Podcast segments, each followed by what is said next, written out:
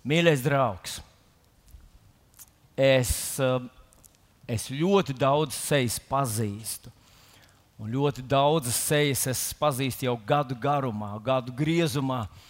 Un kaut ko par katru no jums gandrīz zinu, bet ir sejas arī, kuras es nepazīstu. Un, un ja tu esi mūsu vidū pirmo reizi, un varbūt tu esi tāds nu, vienkārši tāds nu, meklētājs, interesants un, un tā tālāk, un, un bija spiests nomesties uz ceļiem šodien, es ļoti atvainojos. Bet tā ir viena lieta, ko tu nekad nenožēlosi. Jo tas, tu nometies priekšā savu radītāju priekšā, kurš uzrakstīja visu tavu dzīves ceļu jau. jau Pirms tu vispār piedzimi, viņš pazina tevi, zināja tavus matu skaitu, tavu acu krāsu, zināja tavu DNS, zināja uh, visas tavas stiprās īpašības un vājās īpašības. Un viņam ir plāns tavai dzīvei. Un, jā, daudz no tām lietām, kas notika tavā dzīvē, viņš negribēja, lai notiek. Ļoti daudz, nav viņa griba. Tie ir lielākie pasaulē meli, ka pasaulē notiek viss, ko Dievs grib. Jo, uh, ja pasaulē notiktu tikai tas, ko Dievs grib, neviens cilvēks neaizietu pazušanā. Jo viņš grib, lai visi tiek glābti.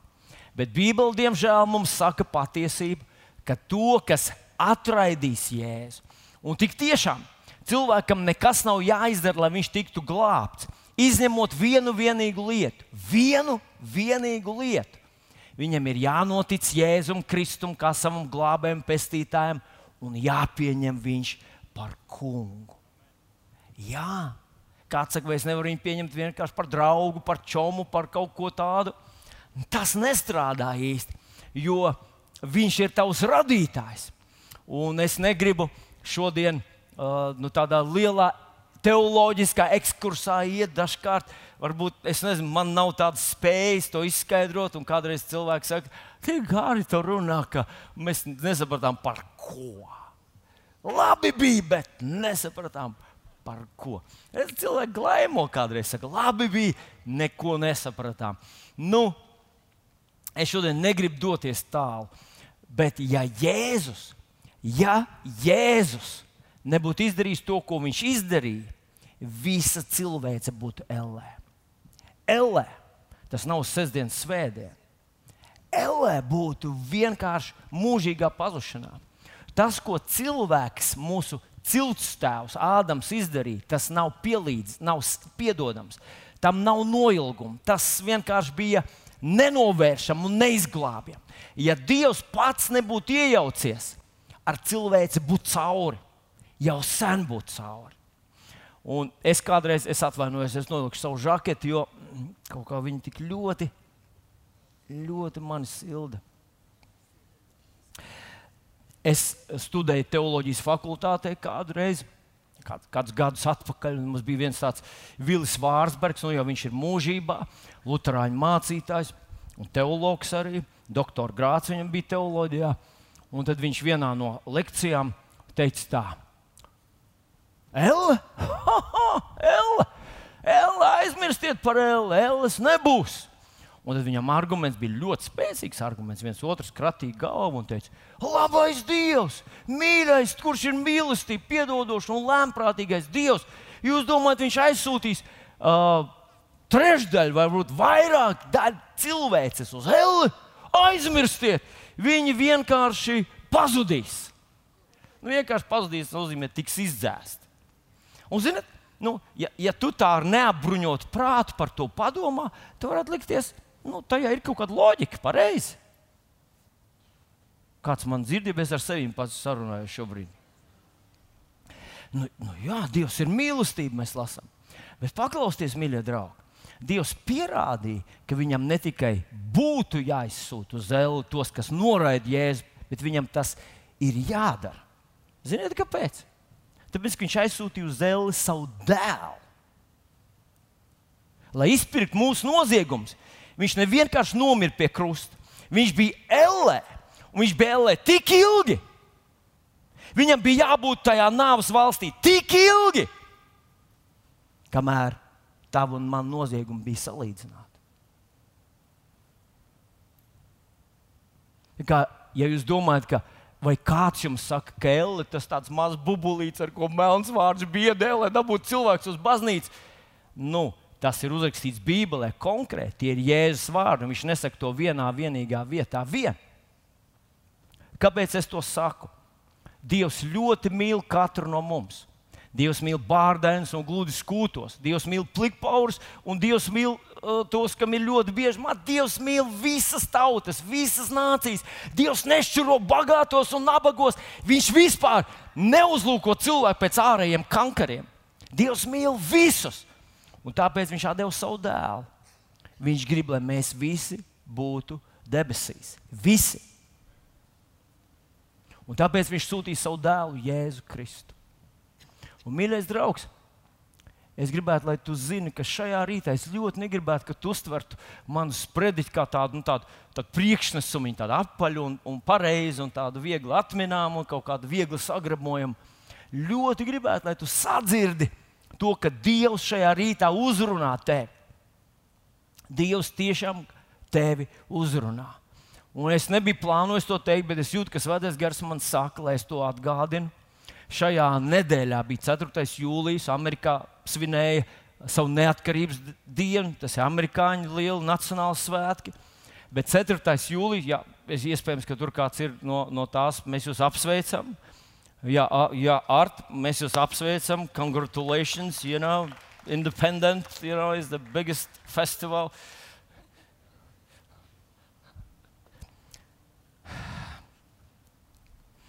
Paklausieties, bet uh, Vēl bija viena vien lieta, ko mēs svinējām visi.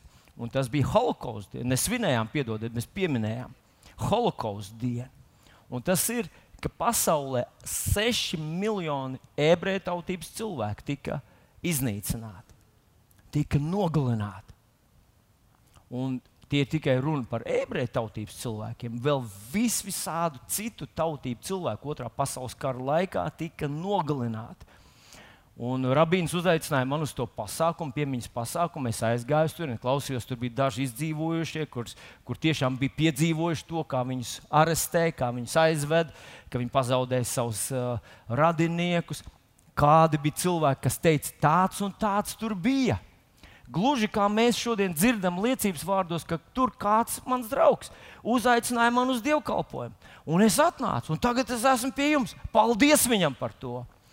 Ka tieši tāpat cilvēki teica, kas bija izglābti. Viņi sauc uzvārdus un vārdus cilvēkiem, kas viņus bija paglābuši, paņēmuši savā mājā, riskējot ar visu savu ģimeni, ar savu, saviem bērniem. Nu, iespējams, ka jūs arī paskatījāties to uh, Tēvs Tumsa, Tēvs Nakts, jā, filmu, kas bija veltīta tieši šiem notikumiem.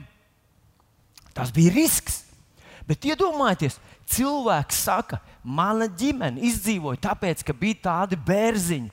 Uh, Vīrs un sieva, viņi mūs paņēma, viņi ļāva pie, mums, pie viņiem pag, nu, paslēpties, kamēr mēs atradām tādu drošāku patvērumu. Un cilvēki desmitiem gadu pēc tam stāsta, ka tu izglābi no nāves cilvēku vienkārši jūtot viņam līdzi, vienkārši atverot savu sirdi viņam pretī. Kad es tajā pasākumā biju, pēkšņi es sadzirdēju, ka Svētais Gars man atgādināja lietu, kur es zināju, un tu zini, ka priekšā ir vēl viena liela katastrofa. Un tā ir katastrofa, kad liela daļa cilvēces piedzīvos ne vienkārši fizisku nāvi, bet piedzīvos briesmas, kas būs garīgas briesmas, un tās nebeigsies nekad. Un tā kā tie cilvēki, Varēja arī no latviešu vidus. Mēs neesam kaut kādā ārpus kārtas. Mēs neesam kaut kādi ne tādi, ne šādi. Esam introverti, un bailīgi un kautrīgi un, un tā tālāk. Nē, mēs tādi neesam. Mēs esam normāli cilvēki. Mēs esam normāli cilvēki, kas var izglābt normālus cilvēkus. Un šodien mēs to darām tad, kad mēs vienkārši cilvēkiem pastāstām par glābēju, par Jēzu Kristu ir viens ceļš, kā izvairīties no šīs katastrofas, un tas ir Jēzus Kristus. Nav citas iespējas. Nav iespēja izvairīties ar to vien, ka tu esi labs cilvēks, labi brauc ar motociklu, labi strādā, tu labi ģērbies, tev ir laba izglītība, tu esi tāds nu, cienījams pilsonis, tev ir daudz naudas, tu esi labs aktieris, mākslinieks, radošs vai vēl kaut kas. Nav iespējams izvairīties no tā. Jo ja tu nepieņem Jēzu Kristu par savu kungu, Dievam ir pienākums. Jo Dievs ne tikai ir mīlestība, Viņš ir arī taisns Dievs un kā taisnam dievam viņam jāno, jāieliek mūžīgajā cietumā, mūžīgos noziedznieks. Un, un, un nedzirdēju, ko teicu.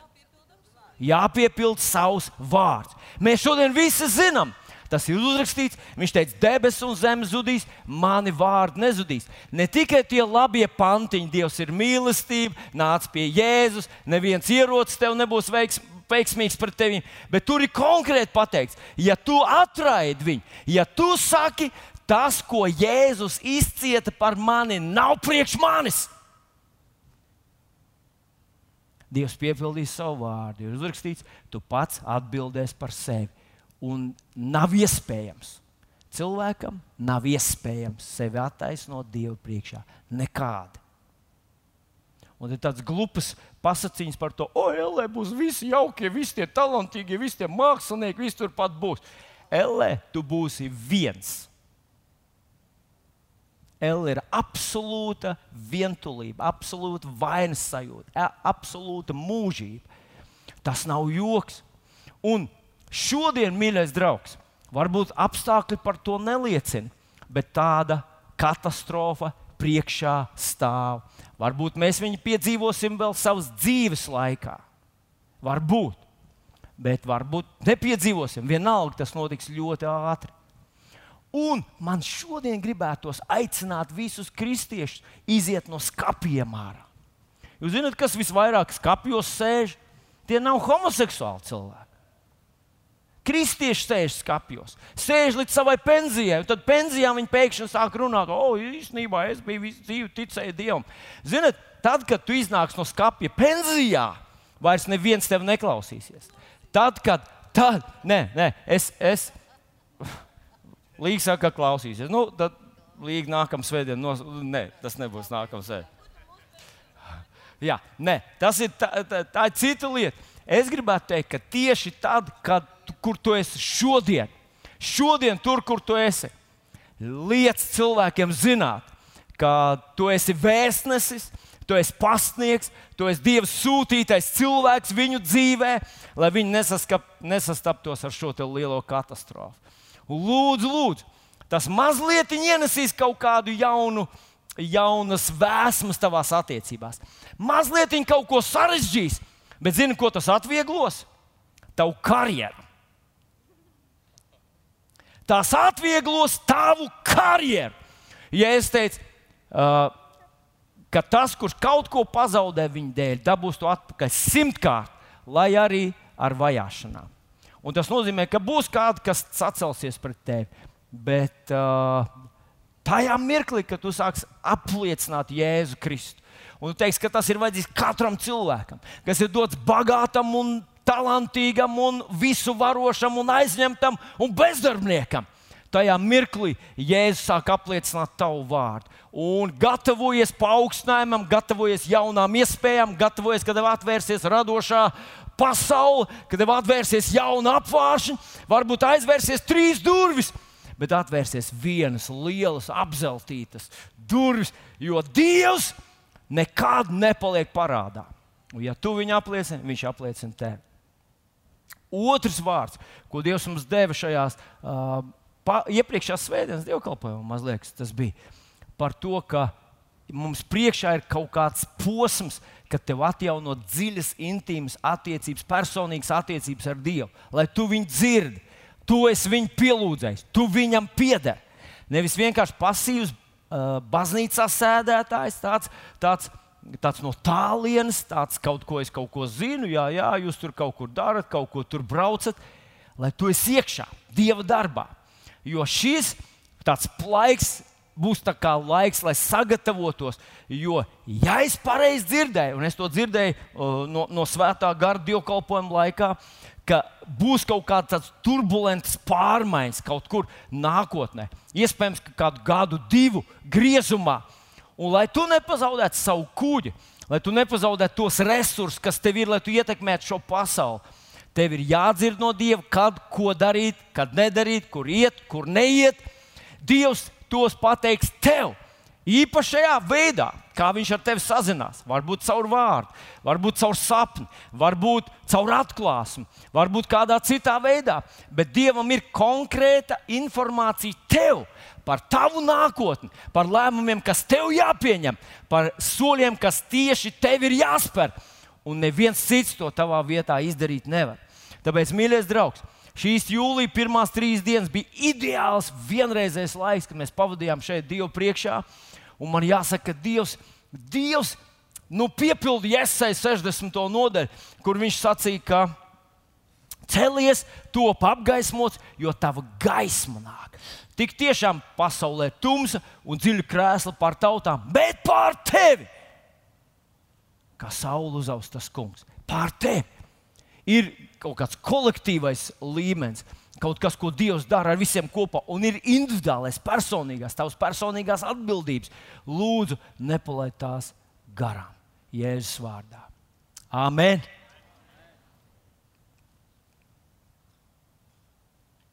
Halleluja! Halleluja! Halleluja! Debes Tēvs! Mēs negribam izlikties par draugu. Mēs neesam, neesam vienkārši kaut kāds tāds tāds reliģisks teātrīts. Mēs lūdzam, lai šajā rītā tu uzrunā, svētais gars uzrunā lūdzu, katru, katru no mums. Jēzus vārdā. Aleluja! Šodien ir mēneša pirmā svētdiena. Mēneša pirmajā svētdienā mums vienmēr ir vakarēdienas. Vakarēdienas ir kaut kas īpašs. Atcerieties, Jēzus pirms vakarēdiem viņš saka saviem mācekļiem: Es esmu ilgojies ar jums to ēst. Un tur bija 12 mācekļi. Mēs nezinām, precīzi nav uzrakstīts, vai, vai, vai, vai jūdas aizgāja pirms vakarēdienas vai pēc vakarēdienas. Mēs nezinām, bet tie bija viņa 12 mācekļi. Un es tā pie sevis savā prātā domāju, tā bija asinsērdzīgā sieva, kas saņēma milzīgu brīnumu no viņa, vai ne? Bija tā sīrieta, par kuru Jēzus teica, ka es tādu ticību neesmu atradis nekur. Nē, tas bija tas, tas uh, romiešu virsnieks, kurš teica tikai pasak vienu vārdu, mans kalps būs vesels. Un Jēzus teica, es tādu ticību nekur neesmu atradis. Bija cilvēki, kas no Jēzus saņēma nu, tādus majestātiskus, lielus brīnumus. Bet neviens no viņiem nesēdēja tur tajā istabā kad viņš paņēma maizi, pārlauza to un teica, šī ir mana miesa, kas par jums to dota. Neviens no tiem, aklais Bartimēs, tie desmit spitālīgie cilvēki, neviens no viņiem nebija tur, tajā īpašajā, īpašajā uh, vienībā, kas bija tajā īpašajās attiecībās starp Jēzu un viņa mācekļiem. Iespējams, ka tu kādreiz domā, ka ka tas lielākais apgājums, ko tu vari saņemt no Jēzus, ir kāds brīnums, dziedināšanas brīnums. Viņš paver tev durvis, viņš tev dod spēku kaut kā tur. Bija viens, viens cilvēks, kurš man stāstīja, ka, uh, kad Dievs viņu bija īpaši svētījis. Viņš bija nopircis vienu zemes gabalu, un tad kādu gadu vēlāk pēkšņi to zemes gabalu kādam ievaidzējās, kādam, kam nauda nebija problēma un viņš to zemes gabalu pārdeva par miljonu. Par miljonu. Viņš teica, man pašam acis, nu, ka tas tur bija gatavs maksāt miljonu par to zemes gabalu. Varbūt tu domā, ja Dievs tev dotu miljonu, šu, tu, tas būtu lielākais, ko tu varētu no Dieva saņemt. Es gribētu šodien apgalvot, ka tas tā nav ir kaut kādas īpašas attiecības, ir dziļas, personīgas attiecības, kuras Jēzum bija ar viņa 12 puišiem, kas nebija ne gudrākie, ne skaistākie, ne ātrākie. Viņiem vienkārši bija šīs īpašās attiecības, un es gribētu, lai tu tur esi. Šajā viens no tiem 12. Un es pie sevis domāju, nu kas būtu tā vieta, kur mēs varētu izlasīt, kādam kvalitātēm jāatbilst vienam tam cilvēkam, kurš varētu sēdēt starp tiem 12. īpašajās attiecībās ar kungu Jēzu Kristu. Un es to atradu 24. psalmā. Ja tev ir līdzi tava bībelīte, paņem viņu un atvērsim 24. psalmu. Psalmu grāmatā 24. psalms. Nu, paskatieties, kas tad šeit ir uzrakstīts 24. psalmā kā viņš sākās. Kas drīkst kāpt tā kunga kalnā, un kas stāvēs viņa svētajā vietā, kam nenoziedzīgas rokas, skaidrs sirds, kam prāts nenesas uz nīcīgām lietām, kas ar viltu nezvērē. Tāds dabūs svētību no tā kunga un taisnību no dieva sava pestītāja. Tāda ir tā cilts, kas pēc tā kunga vaicā, kas meklē jēkaba dieva vaigu. Ugh! Uh. Jūs zinat, nu, lielākā daļa jūs zinat, ka esmu uzaugusi ticīgi vecāku ģimenē. Un šo pantu es viņu no bērnības jau zinu, un laiku pa laikam esmu lasījis. Tas, kurš tad būs tas, kuram kur Dievs svētīs? Kurš tad būs tas, kurš var pretendēt uz visām tām Dieva labvēlību un viņa svētību? Tas, kam nenoziedzīgas rokas, skaidrs sirds, kam prāts nenesas uz nīcīgām lietām un kas ar viltu nezvērē. Ziniet, es nezinu, ko tu domā, bet savā laikā es tā arī skatījos uz savām rokām. Nenoziedzīgas rokas. Ko lūdzu? Valters saka, ka viņš tas nav. Viņam rokas nav tādas. Nu, Bet es savā laikā skatījos uz savām rokām, kad man bija 14 gadiņi, un domāju, vai manas rokas ir nenoziedzīgas. Kā ir ar tavējām, paskaties uz savām rokām, vai tās ir noziedzīgas rokas. Nu, varbūt tu teiksi, neko es neesmu noziedzis. Tev citi ir vairāk nozaguši kā es. Nu, nu, es gribētu gandrīz teikt, ka visi tie, kas mēs esam dzīvojuši padomu laikā, esam kaut ko zaguši. Nu, es atceros, es strādāju, nestāstīšu, varbūt tādu negarlaikošu jūs ar kaut kādam, bet šeit tad pa skrūvītei, pa dzelzītim atnes mājā. Un tad es atnesu vienu dienu, pa dzelzītim atnesu tādu skapītu uztaisīju uh, savai, savai kundzei no dzelzīšiem uztaisīja virtuves skāpīti. Viņi bija tik priecīgi, tik pateicīgi. Viņi teica, wow, es nezināju, ka tu māki uztaisīt skāpīti. Es biju tikko apprecējies. Tas bija liela uzvara priekš manis, ka es uztaisīju skāpīti. Bet, ja tā padomā, nu toreiz taču viss mums piederēja pareizi. Tas viss piederēja tautai. Jā, tā kā īstenībā tā varbūt pārvietošu vietu tikai nu, pārvietoju bet par zakšanu varētu attaisnot kaut kā. Bet tad, ja tā, tā, tā skrupulos paskatās, tomēr gadījās šo to kaut kur paslēpt, kā tā iziet cauri, lai de cauri tā, tādu, nu, lai neredz. Nu, citi veda mašīnām ārā. Nu, bija tāda, es jau ne. Es nesu kabatā un paciņā. Un tā. Nu, tā kā mans rokas ir nenoziedzīgas? Vai mans sirds ir skaidra. Bija tādas dienas, kad es kādreiz kā gandrīz noticēju, ka mans sirsnīgs ir skaidrs. Tajā mirklī es tā paskatījos spoguli uz sevi. Ne, nu, nevar būt, ka tam pusaudzītam ir neskaidrs sirds. Bet ir neskaidrs.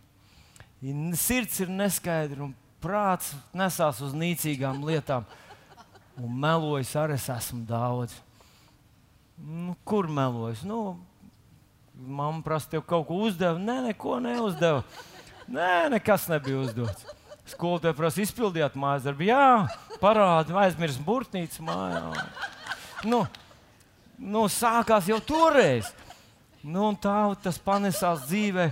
Ik pa laikam policists tev apstāja, cik braucāt. Vai policists kaut galīgi neievēro laikos ar 60. Tad viņš rāda tev savu pistoli. Un tur ir vairāk. Nu, es negribu bakstīt tev krūtīs, mīļais draugs, bet es gribētu teikt, ka neviens no mums, ja mēs tā godīgi uz sevi paskatāmies, neviens no mums nevar pateikt, ka mums ir nenoziedzīgas rokas, skaidra sirds, ka mums nevelk tās no nīcīgās lietas, un ka neesam melojuši ar savu muti. Neviens. Tā tad neviens no mums nevar dabūt svētību no tā kunga. Bet par laimi, par laimi! Iesai grāmatā ir uzrakstīta 53. nodaļa, viņš uznes mūsu grēku savā miesā. Tas ir Pēters to atcitē. Bet Iesais saka, taču viņš nesa mūsu sērgas un ciešanas, un mūsu sāpes viņš bija uzkrājis sev, kur pretī mēs viņu uzskatījām par sodītu, dievu satriektu un nomocītu. Viņš bija vainots mūsu pārkāpumu dēļ, mūsu grēku dēļ, satriekts, mūsu sots bija uzlikts viņam, mums par atpestīšanu, ar viņu brūcēm mēs esam dziedināti. Tā kā es ieguvu skaidras rokas, es ieguvu skaidru sirdi, es ieguvu nenoziedzīgas rokas, skaidru sirdi un es iegūtu dievu, taisnību Dievu priekšā, pateicoties Jēzum Kristum. Aleluja! Tā kā pateicoties Jēzum, tu vari piederēt šī, šai grupai. Tev pieder visas šie apsolījumi, pateicoties Jēzum. Pasaki līdzi ar maniem, pateicoties Jēzum. Saka vēlreiz, pateicoties Jēzum. Halleluja! Bet tad es lasu šo psalmu tālāk, un tālāk vēl interesantākas lietas notiek. Tātad, ko mēs lasām tālāk? Jūs vārti paceliet savas palodas uh, un topiet augstākas mūžīgās durvis, lai godības ķēniņš ieiet var. Kas ir šis godības ķēniņš? Tas kungs stiprs, spēcīgs, tas kungs varens cīņā. Jocīgi, tur bija teikts, ka tāda ir tā cilts, kas pretendē uz svētību. Un tālāk ir teikts, jūs vārti paceliet savus palodus un topiet augstākas jūsu mūžīgās durvis. Jūs zināt, mums arī ir tāda dziesma. Kurš zina to dziesmu? Kuram patīk tā dziesma? Jūsu vārti. Nu, Valter, kā tur viņi skanēja? Jūs vārti paceliet savas palodās. Un mūžīgās durvis topiet augstākās. Lai godības ķēniņš ienāk var. lai godības ķēniņš ienākt var. Aleluja! Stop! Apstāsimies! Tālāk ir. Kas ir šis ķēniņš? Jēzus, šis godības kungs, Jēzus, viņš kungu kungs, Jēzus, sauc ķēniņam, Jēzus. Labi, stop!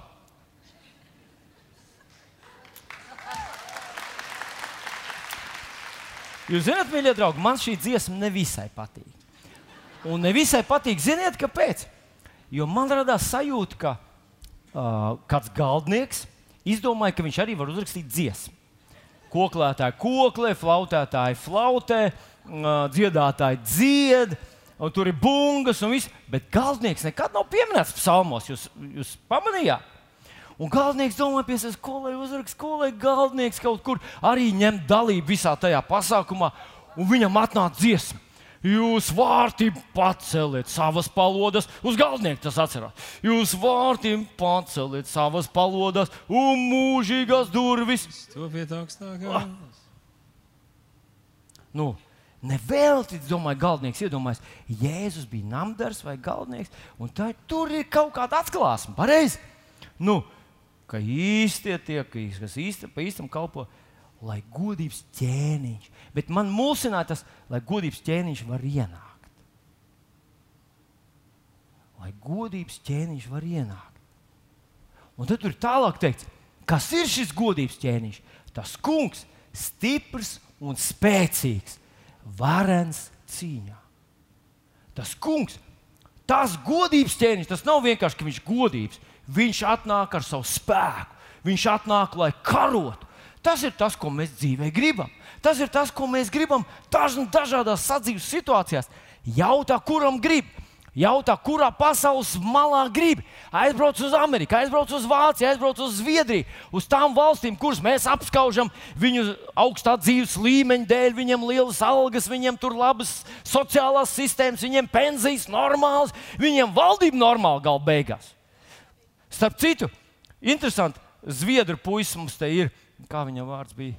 Samuel, Samuel vai Zviedrijā valdību lamā vai nelamā? Nu, tauta, es domāju.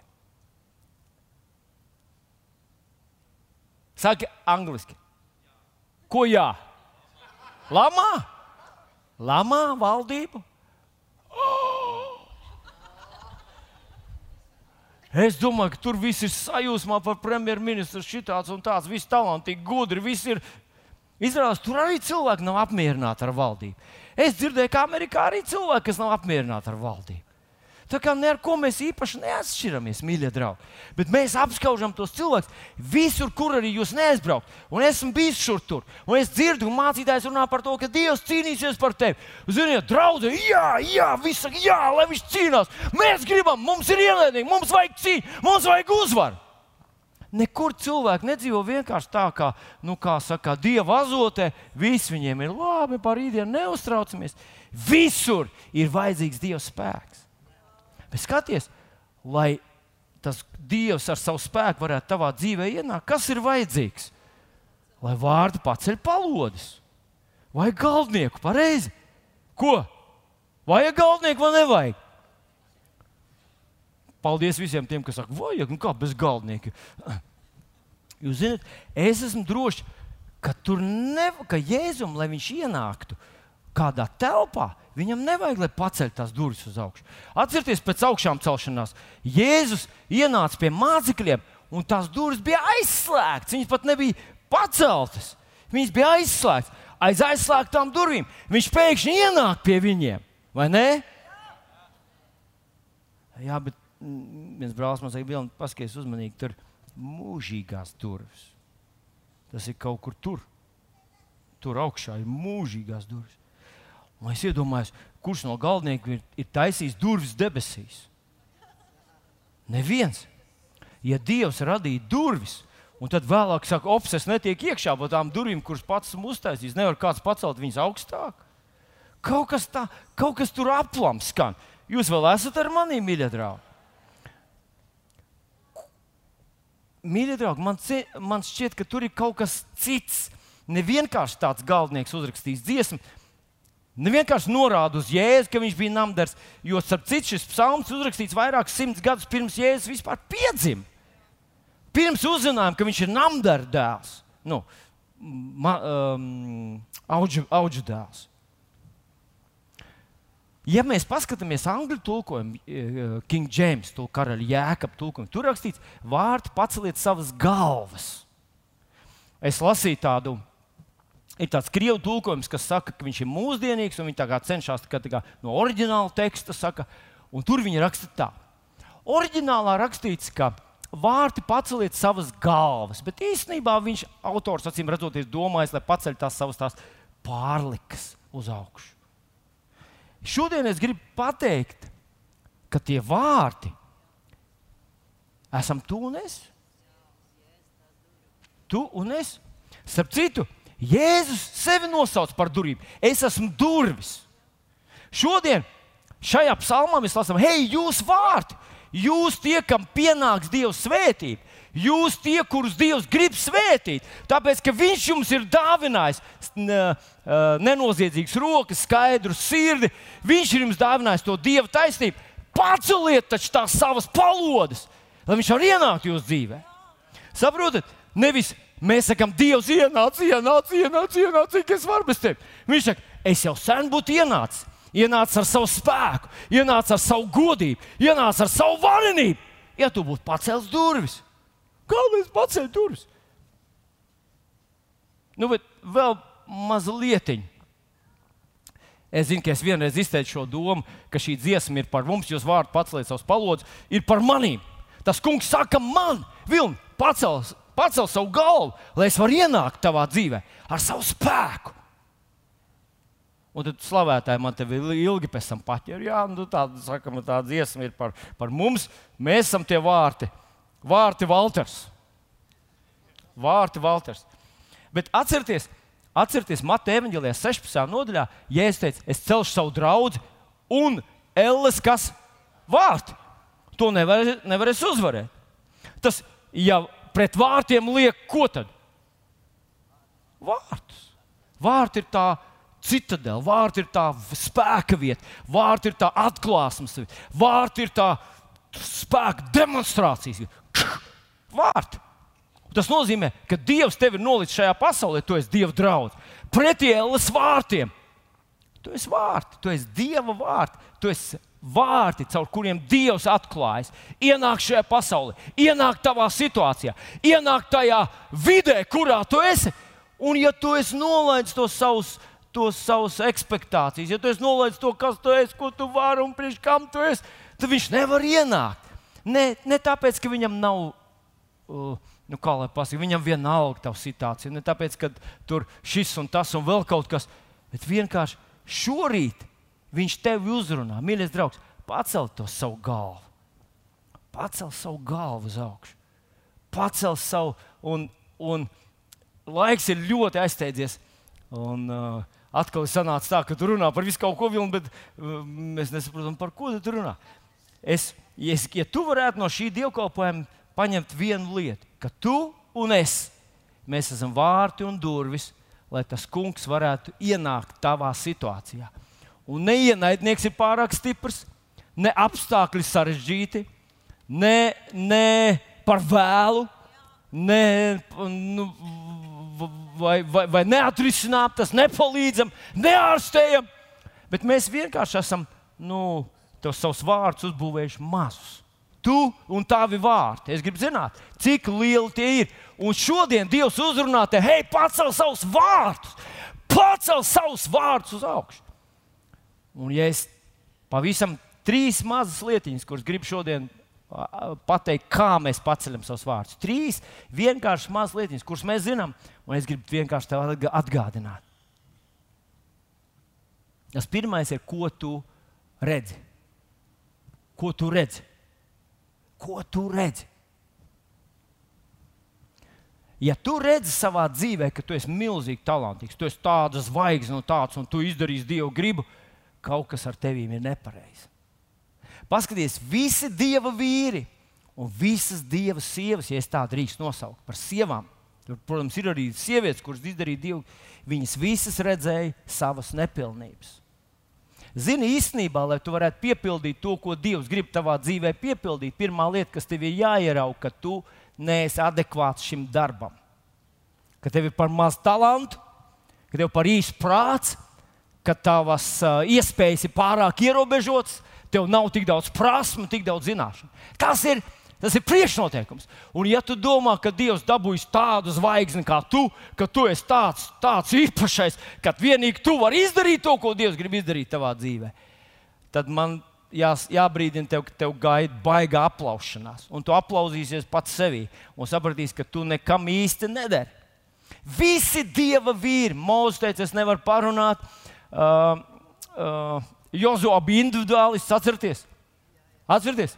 Es nezinu par jums, mēs ar mūsu ģimeni, mēs kalposim tam kungam, izdomājot, kam jūs kalposiet. Nu, Gideons teica, mēs esam vismazākie, un, un tu varētu paņemt visus. Jeremija teica, esmu visjaunākais, un tā tālāk. Visiem bija kaut kāda aizbildinājuma. Bet kas tad deva viņam to drosmi? Tas, ka Dievs teica, bet es esmu ar tevi. Ja tu būtu tik talantīgs, tik gudrs un tik nozīmīgs, tad tu varētu piepildīt Dieva gribu, tad viss gods būtu tev. Pareizi? Bet tā kā Dievs ir tas, kurš kompensēs tavus trūkumus, tad tu to vari izdarīt. Un tas ir svarīgi, lai tu to redzi.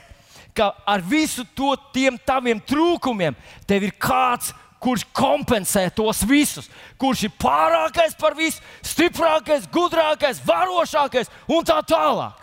Tā kā ir normāli redzēt savu, savu, savu ierobežotību, bet reizē tev jāredz viņa neierobežotība. Tas, uz ko tu skaties, ir svarīgi. Un skaties pareizi, redzi pareizi. Dievs jautā Jeremijam, ko tu redzi? Ja tu redzi tikai problēmu, un redz, tu pats esi ierobežots, un tava problēma ir neierobežota, tad tev jāmaina savs fokus un jāierauga, ka tu neesi viens savā situācijā. Otra lieta, kas tev ir, jā, ko tu domā? Ko tu domā. Īsnībā ir tā, ja tu pareizi skaties, tu pareizi domās. Kolosiešu vēstulē, 3. nodaļā, 2. pants skan tā: savus domas vērsiet uz augšu, ne uz zemes lietām. Jo uh, jūs esat, jūs dzīve līdz ar Kristu apslēpta Dievā. Jūs esat miruši un jūs dzīve līdz ar Kristu apslēpta Dievā. Skaties uz Kristu. domā par viņu. Um, ir tāds teiciens, kuru, kuru parasti cilvēki mēdz saka, ka tā tas nav. Un tas teiciens ir tāds: no acīm prom no sirds laukā. Bet tas ir ļoti precīzi. Ja tu skaties uz Dieva lietām, tu domās par Dieva lietām. Ja tu ska, neskaties vairs uz vēlnu lietām, neskaties uz viņa izaicinājumiem, neskaties uz visām grūtībām, visām viņa ļaunām viltībām un tā tālāk, tas aizies no tavas sirds. Ja tu neskaties uz grēku, tas aizies. Ja tu neskaties uz kārdinājumiem, tie aizies. Ja tu nedomā par viņiem, viņi pazaudēs savu varu par tevi. Uh, grēks ir kā kobra, kas, un tu esi kā trusīts. Ja tu pavērsīsies prom no kobras acīm, tu dabūsi šansu aizbēgt prom. Bet, ja tu skatīsies visu laiku grēkam acīs, ja tu skatīsies visu laiku uz to apgrēcības koku, tas tev vilks un vilinās. Tā kā ja tu pareizi e, skatīsies, tu pareizi domās un domā Dieva vārdu. Dieva vārds, uh, viņš, viņš, uh, vi, viņš, viņš zīmē tādas aplikācijas par tavu dzīvi. Viņš dod jau gatavs, un tās vajag pieradināt savus domas, domāt tādās kategorijās. Uf, tas ir baisais ierocis. Un trešais, trešā lieta, pēdējā un trešā lietiņa, tā ir soļo tajā virzienā. Soļo. Ziniet, uz ticības pamata ir jārīkojas. Bet tas vienmēr ir tā tāds ceļojums. Tas nav. Es vienu ticības darbu izdarīju, un viss atrisinājās. Tas tā kā Izraels gāja uz apsolīto zemi, cauri tūkstošiem. Tas prasīja kaut kādu laiku, vienu soli. O, tad ir, tas ir tas laiks, kad vajag pacietību, kad ir grūti, kad ir nūģīgi, kad liekas, nav rezultātu. Tu skaties uz to kungu, domā par viņu un soli pa solim. Tu tuvojies, jo ebreju vēstulītē, desmitā nodaļā rakstīts, mums vajag pacietības, lai Dievu prātu darījuši, iemantot apsolījumus. Tātad, mīļais draugs, Es esmu pārliecināts, ka Dievs ir gatavs ienākt tavā situācijā, ienākt tavā dzīvē, tajā tavā, tavā, uh, tavās problēmās, kas tev ir. Un tev tādas ir. Noteikti tev tādas ir. Ja nav vēl, rīt viņas būs. Viņš ir gatavs atbildēt, gatavs palīdzēt, gatavs parādīt to, ka viņa spēks. Dažreiz mēs to nejūtam, bet tas ir spēks. Viņš var likt atkāpties bezcerībai, viņš var likt atkāpties slimībai, viņš var likt atkāpties smagām prognozēm, viņš var likt atkāpties ekspertu viedoklim, viņš var likt atkāpties ellē. Halleluja! Ja tu pacel šo savu uh, galvu, uz, uz skaties uz to kungu, domā par viņu un solīt pa solim paklaus viņa vārdam, to agrāk vai vēlāk agrāk vai vēlāk nonāks apsolītajā zemē, jo Dievs piepilda savu apsolījumu. Dievs nekavē savus apsolījumus. Tavā dzīvē, paskaties uz mani. Dievs nekavē savus apsolījumus tev. Viņš nav jāpierunā, viņš nav jāizlūdzās. Viņš nav kurls, nav lēnīgs, nav bremzēts. Dievs īstenībā ir, ir ļoti dinamisks, ļoti atsaucīgs, ļoti tuvu. Viņš ir gatavs atbildēt, un viņš atbildēs vienmēr. Vai vienmēr? Vienmēr! Vai Dievs grib dziedināt vienmēr? Vienmēr! Vai Viņš grib palīdzēt vienmēr? Vienmēr! Vai Viņš grib, lai visi viņa bērni ir pēduši? Vienmēr! Vai Viņš grib, lai mēs esam veiksmīgi? Vienmēr! Tas nenozīmē, ka es nu pat pateicu, ka visiem jābūt miljonāriem. Ne, paldies Dievam, tas ir liels krusts būt par miljonāru. Nu, dien, tas nav vienkārši. Jā, un līdz tam labāk nonākt pašam, kā es pieminēju to brāli, kurš vienā dienā kļuva par, par miljonāru un viņš nemācīja ar to tikt galā. Un, diemžēl šie ātrie panākumi sagrāva viņa dzīvi, ģimenes dzīvi, viņa kristiešu dzīvi un tā tālāk. Tā kā tas, ka Dievs ved tevi solīt pa solītam, ir viņa mīlestība un gudrība. Pacel, hei, pacel savus vārdus uz augšu. Un viņš noteikti ienāks tavā dzīvē, Jēzus vārdā. Vēl vairāk, jā, vēl vairāk